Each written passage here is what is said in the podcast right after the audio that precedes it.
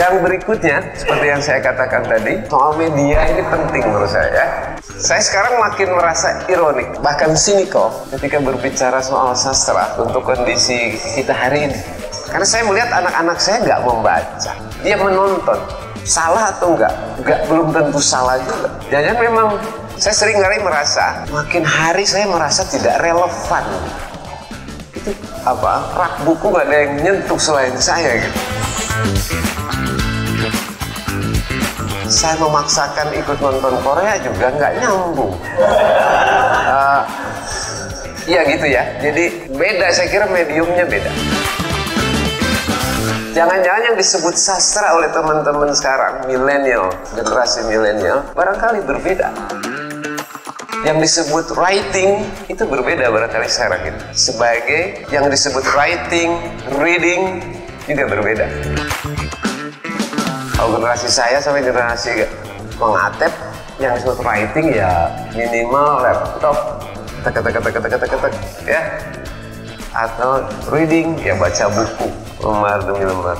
Sekarang saya saya ragu apa masih gitu generasi sekarang. Saya kira enggak. Perubahan media ini menurut saya perlu diantisipasi termasuk bagi teman-teman yang mau meneruskan kegilaan ber apa namanya mencintai atau membenci sastra ini ya uh, me me menghayati menggauli sastra ini saya kira perubahan pergeseran dari cara komunikasi kita perlu jadi variabel yang penting saya di dalam sastra zaman saya generasi yang bagian dari generasi yang for better or worse ya, ya yang bisa disyukuri tapi juga bisa disesali ikut nyebrang dari zaman pradigital ke zaman digital. Di satu pihak saya mensyukuri hal itu saya dikasih panjang umur. Di pihak lain saya meratapi juga gitu ini kok gimana ini yang disebut baca sekarang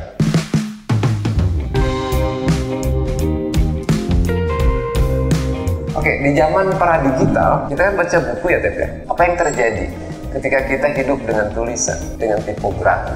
Dalam hal membaca dan menulis, kita bergerak dari kiri ke kanan, mewaktu gitu.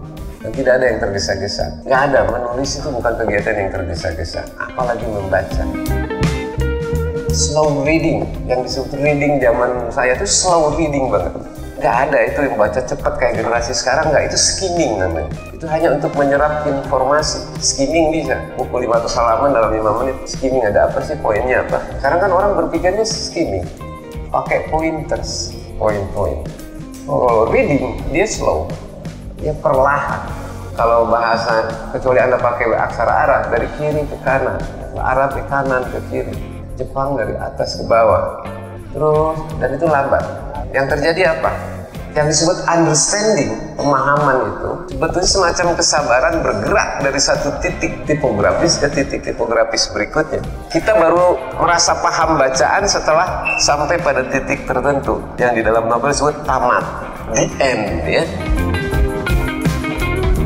Yang sebetulnya bukan akhir zaman, the end itu akhir wacana. Mudah-mudahan besok ada wacana baru. Karena itu kita pakai istilah pintu, bab dari bahasa Arab saya kira ya. Kita membayangkan yang disebut wacana itu diskursus itu sebagai semacam lorong atau ruang yang begitu gede, bisa gede bisa sempit, yang terdiri dari sekian pintu.